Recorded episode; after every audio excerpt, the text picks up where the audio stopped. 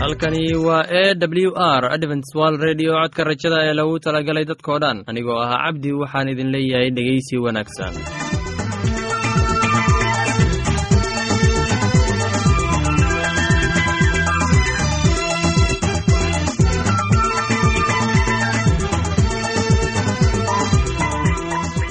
barnaamijyadeena maanta waa laba qaybood. Qaybta kuwaad waxaad ku maqli doontaan barnaamijka nolosha qoyska. Kadib waxaa inoo raaci doonaa cashar inaga yimid bugga nolosha. Dhegaystayaasheenna qiimaha iyo qadarinta mudano waxaan filayaa inaad si habboon u dhegaysan doontaan.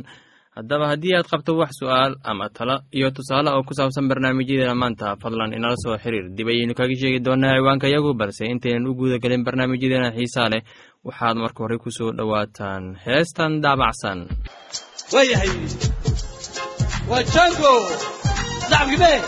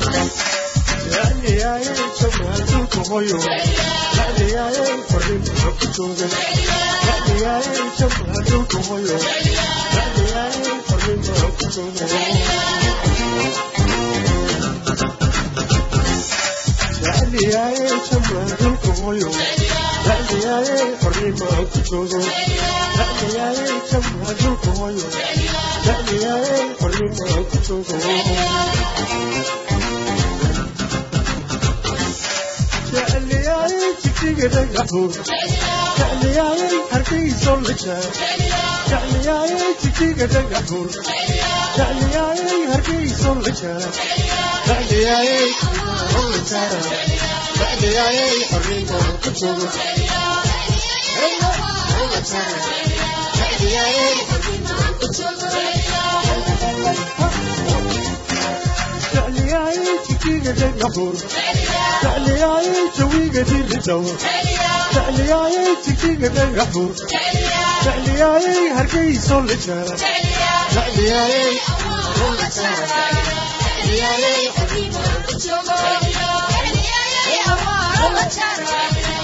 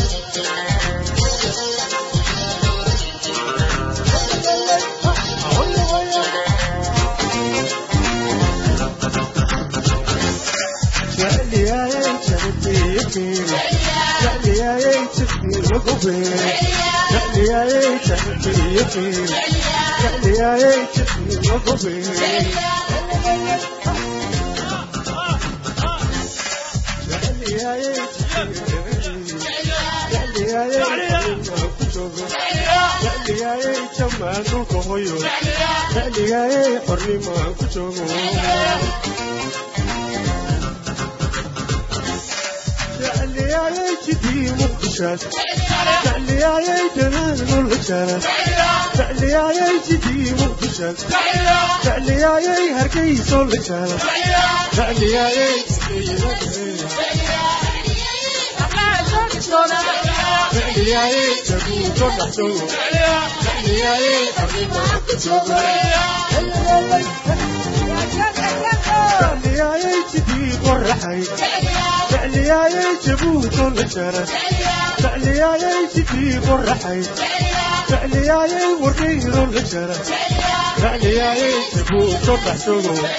waayahay waa jango sacabkime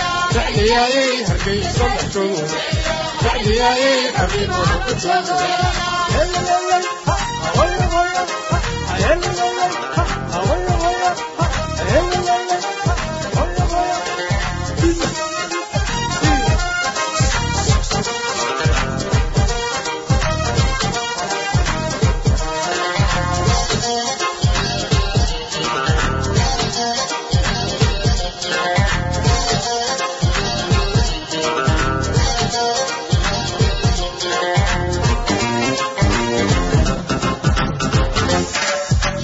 jecliyaayey jamaal dhulka hoyo jecliyaayey xornimo aan ku joogo jecliyaayey jamaal dhulka hoyo jecliyaayey xornimo aan ku joogo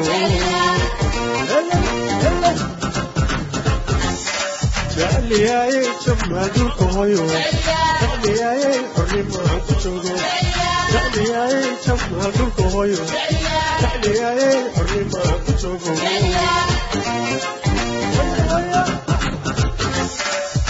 jecliyaayey jijiga dhagaxuun jecliyaayey hargeyso la jaro jecliyaayey jijiga dhagaxuun jecliyaayey laasxano dhexdooda jecliyaayey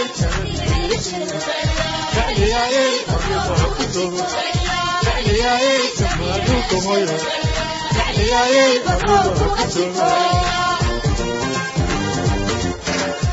jecliyaayey jijiga dhagaxuun jecliyaayey hargeyso la jaro jecliyaayey jidii qoraxay jecliyaayey wadhiiro la jaro jecliyaayey jamaal dhulka hoyo jecliyaayey xornimo ku joogo jecliyaayey jamaal dhulka joogo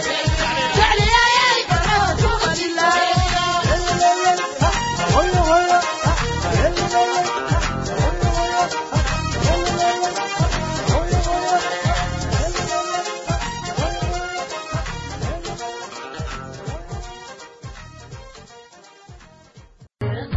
waxaan filayaa in aad ka faa'iidaysateen heestaasi. Haddana waxaad ku soo dhowaataan barnaamijkeena nolosha qoyska. Barnaamijkaasi waa barnaamij ka hadla arrimaha guud ee qoyska iyo qofka bini'aadanka ee dhegeysi suuban kulanti wacan dhegaystayaal kuna soo dhowaada barnaamijkeenii nolosha qoyska oo aad wakhtiyadan oo kale aad hawada inaga wada dhegaysan jirteen. Mowduucina maanta wuxuu ku saabsan yahay nadaafadda guriga. Anigoo ah cabdi waxaan idin leeyahay dhammaantiinba dhegaysi wacan nadaafadda sidaan wada ognahay ma ahan mid rabbaani ah ee waa howl u baahan in la qabto.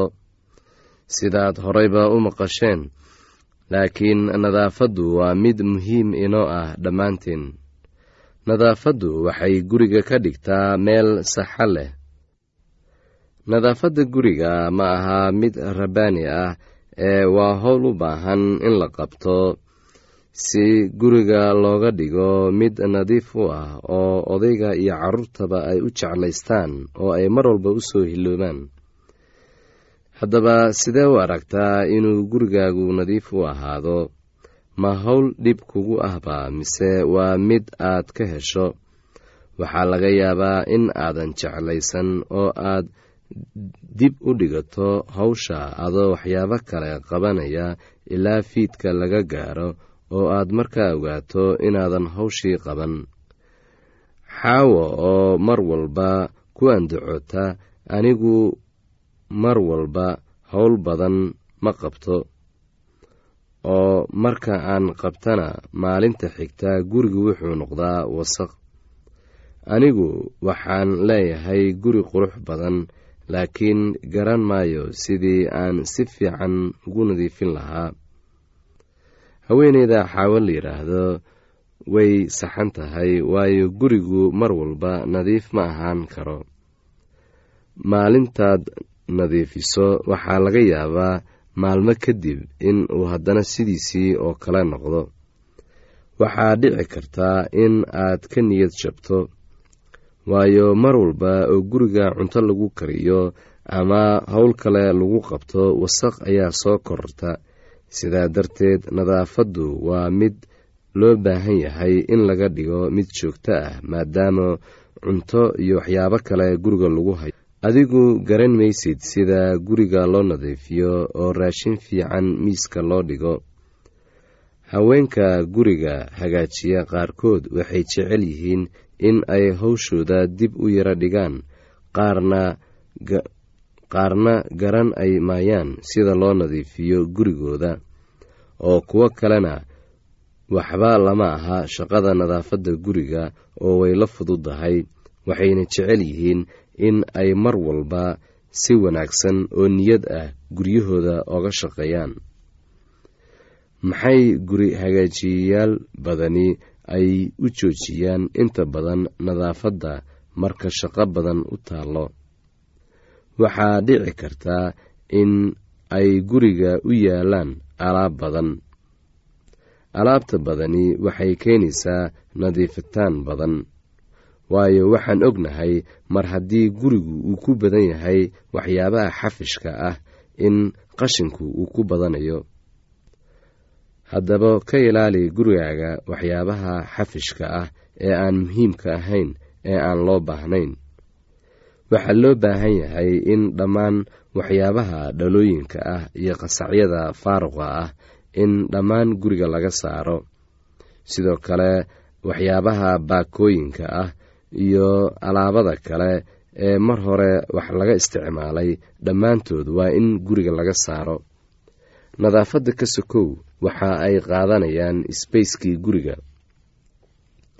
Haddii aadan rabin in aad mar walba aad raalli geliso marka dadka ku soo booqdo. Sidan soo socoto ayaa ah sidii aad gurigaaga u nadiifin lahayd. Laakiin habka guriga loo nadiifiyo waxaa aad uga muhiimsan dabeecaddaada ka raalli ahaanshaha ee ah waxa aad haysato iyo ammaanta reerkaaga. Markaa kadib ayaad u diyaar garoobi kartaa shaqada marka aad aragto guri nadiif ah ee aad ku hagaajisay kartidaada shaqsi ahaaneed waxaa jira saddex siyaabood oo aad gurigaaga ku nadiifin karto. Waxaad u baahan tahay in aad xushmayso hawsha la qabanayo in aad isku keento qalabka aad hawsha ku qabanayso iyo ugu dambayntii in aad shaqada bilowdo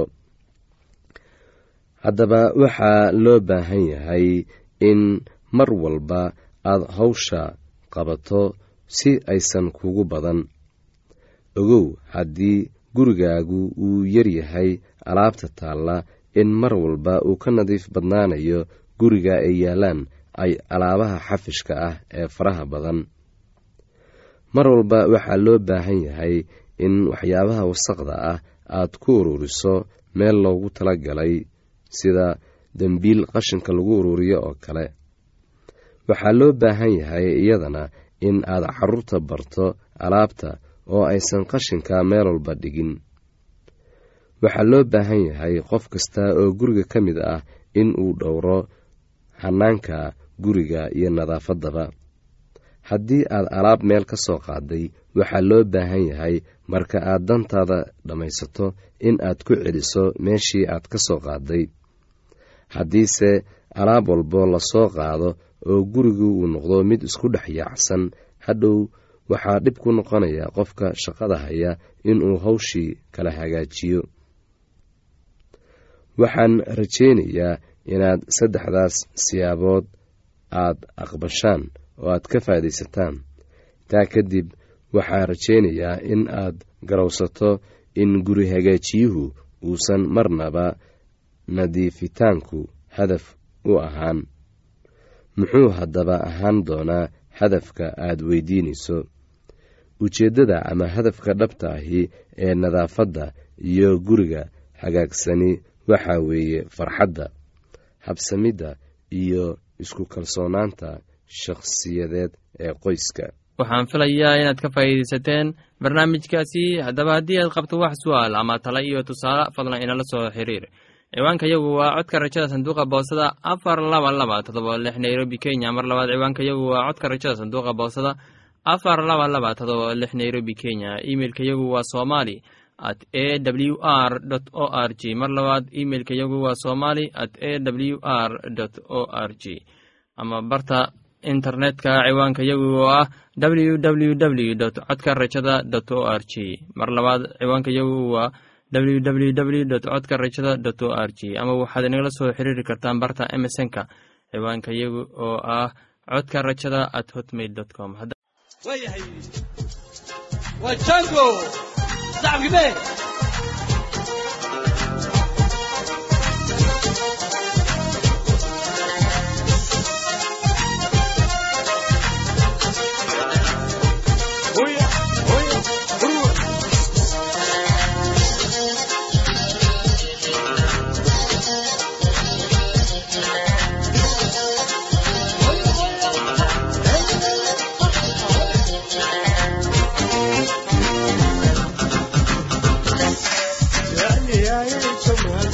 waayahay waa jango sacabkime hoyo jecliyaayay xornimo ku joogo jecliyaayay jamaal dhulka hoyo jecliyaayay xornimo ku joogo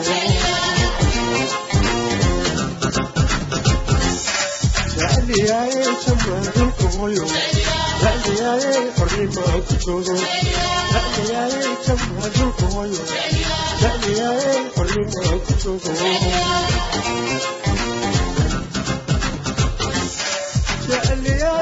jecliyaayay jigjiga dhagaxuur jecliyaayay hargeyso lajaa jecliyaayay jigjiga dhagaxuur jecliyaayay hargeyso lajaa jecliyaayay olajaara jecliyaayay xornimo ku joogo jecliyaayay jigjiga dhagaxuur jecliyaayay jawiga diridow jecliyaayay jigjiga dhagaxuur jecliyaayay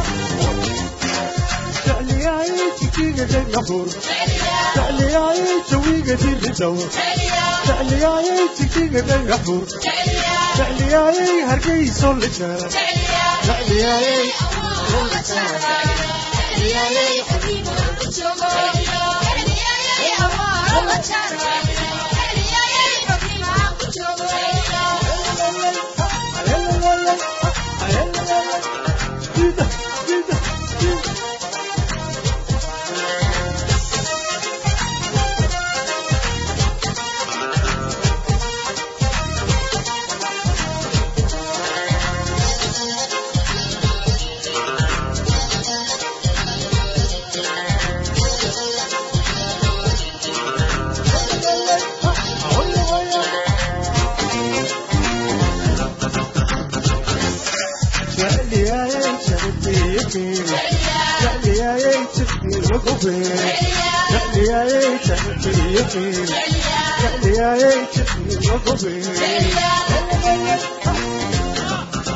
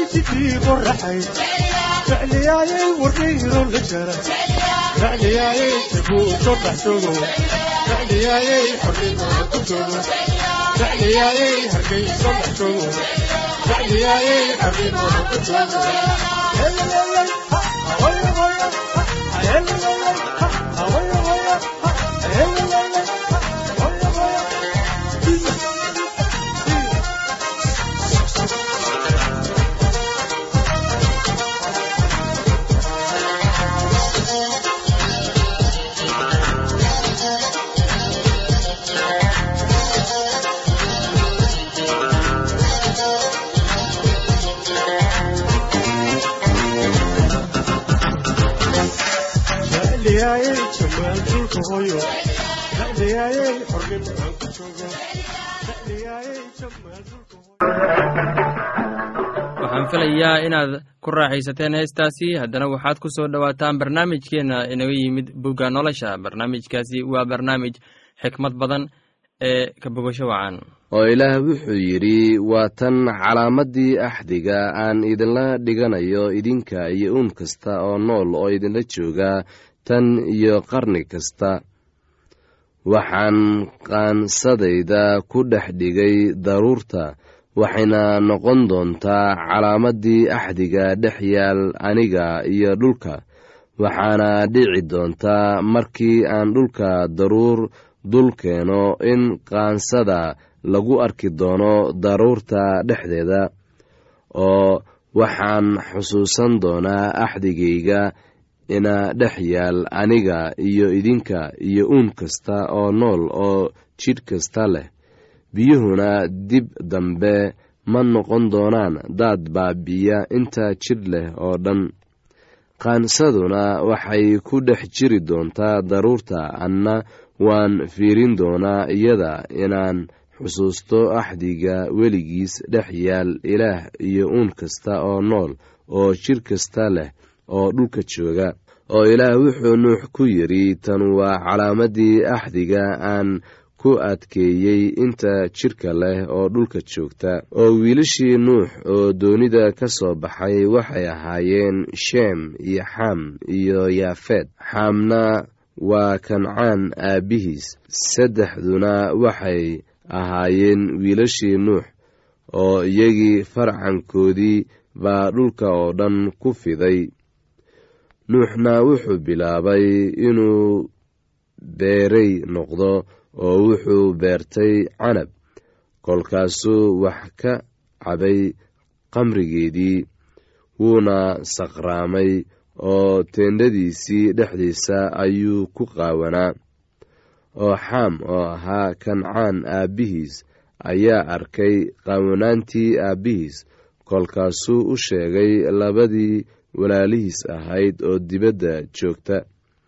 Kolkaasaa sheem iyo yaafeed dhar qaadeen oo labadoodu garbahay saareen oo dib dib u socdeen kolkaasay qaawanaantii aabbahood ku dadeen oo wejiyadooduna way sii jeedeen. Mana ay arkin qaawanaantii aabbahood. Nuuxna qamrigiisii wuu ka soo miyirsaday wuuna ogaaday wixii wiilkiisu yaru ku sameeyey. Kolkaasuu yidhi inkaaru ha ku dhacdo kancaan addoonkii addoommadu u noqon doonaa walaalihiis oo wuxuu yidhi ammaanu ha ahaato rabbiga ah ilaaha sheem kancaanna addoon ha u noqdo. Ilaah ha fidiyo yaafeed. Hana dego teendhooyinka sheem kancaanna addoon ha u noqdo isaga. Nuuxna daadka kadib wuxuu sii noolaa saddex boqol iyo konton sannadood. Wakhtigii nuux noolaa oo dhammu waxay ahaayeen sagaal boqol iyo konton sannadood dabadeedna wuu dhintay. Haddaba kuwanu waa farcankii wiilashii nuux.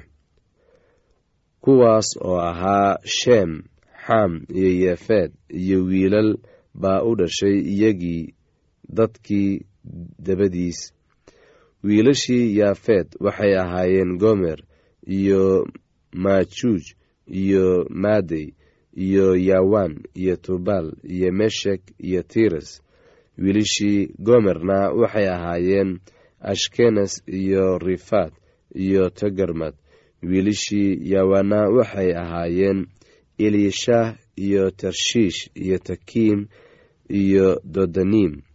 Kuwaasay gasiiradihii quruumaha ugu kala qaybsameen wadamadoodii dad kasta sidii afkoodii iyo qabiilooyinkoodii iyo quruumahoodii ay ahaayeen. Wiilashii xaamna waxay ahaayeen kuush iyo misrayim iyo fuud iyo kancaan. Wiilashii kuushna waxay ahaayeen seba iyo xawila iyo sabtah iyo racmah iyo sebteka. Wiilashii ramcaana waxay ahaayeen sheba iyo dedan kuushna wuxuu dhalay nimrood wuxuuna bilaabay inuu noqdo mid dhulka xoog weyn ku leh. Wuxuu ahaa ugaarsade ku xoog weyn rabbiga hortiisa. Taas daraaddeed waxaa la yidhaahdaa sidii nimrood ugaarsade xoog weyn rabbiga hortiisa ku noqo. Bilowgii boqortooyadiisu waxay ahayd baabel iyo ereg iyo akaad iyo kanleh waxayna ku yiileen waddankii shincaar. Dhulkaas wuu ka tegey oo wuxuu galay ashuur wuxuuna dhisay ninewe iyo rexbood iyo kala iyo resen oo u dhashay nehwe iyo kala taasuna waxay tahay magaalada weyn. Misrayimna wuxuu dhalay luudiin iyo canaamiin iyo lahabiin iyo naftuxiim iyo fatrusiim iyo kalsuxiim oo ay reer falastiin ka yimaadeen iyo kaftoriim kancaanna wuxuu dhalay sidom oo ahaa curadkiisii iyo xeed iyo reer yebus iyo reer amoor iyo reer girshaash iyo reer xiwi iyo reer caqri iyo reer sini iyo reer arwaad iyo reer semer iyo reer xamaad dabadeedna qabiilooyinkii kancaan way kala firdheen oo soohdintii reer kancaan waxay ka bilaabmaysay sidon markii loo kaco xagga geeraar ilaa gasa oo markii loo kaco xagga sodom iyo gomorra iyo adna iyo siboyin ilaa laashac kuwanu waxay ahaayeen wiilashii xam sidii qabiilooyinkoodii iyo afafkoodii iyo waddamadoodii iyo qurumahoodii ay ahaayeen. Heestaasi iyo casharka buugga nolosha ayaanu ku soo gabgabayneynaa barnaamijyadeena maanta. Halkaad inaga dhegeysanaysaan waa laanta afka soomaaliga ee codka rajada ee loogu talagelay dadka oo dhan. Haddaba haddii aad doonayso inaad wax ka faa'iidaysataan barnaamijyadeena sida barnaamijka caafimaadka barnaamijka nolosha qoyska iyo barnaamijka kitaabka quduuska fadlan inala soo xiriir. Ciwaanka yagu waa codka rajada sanduuqa boosada afar laba laba todoba lix nairobi kenya. Mar labaad ciwaanka yagu waa codka rajada sanduuqa boosada afar laba laba todoba lix nairobi kenya. Imeilka yagu waa somali at a w r o r g mar labaad imeilka yagu waa somali at a w r o r g ama emesonka oo ah codka rajada at hotmail dot com. Mar labaad emesonka yagu waa codka rajada at hotmail dot com. Ama barta internetka ayaad ka akhrisan kartaan barnaamijyadeena iyo ka maqasha sida w w w dot codka rajada dot o r g dhegeystayaasheena qiimaha iyo qadarinta mudan oo barnaamijyadeena maanta waa naga intaas. Tan iyo intaynu hawada dib ugu kulmayno. Waxaan idin leeyahay sidaas iyo ammaano allah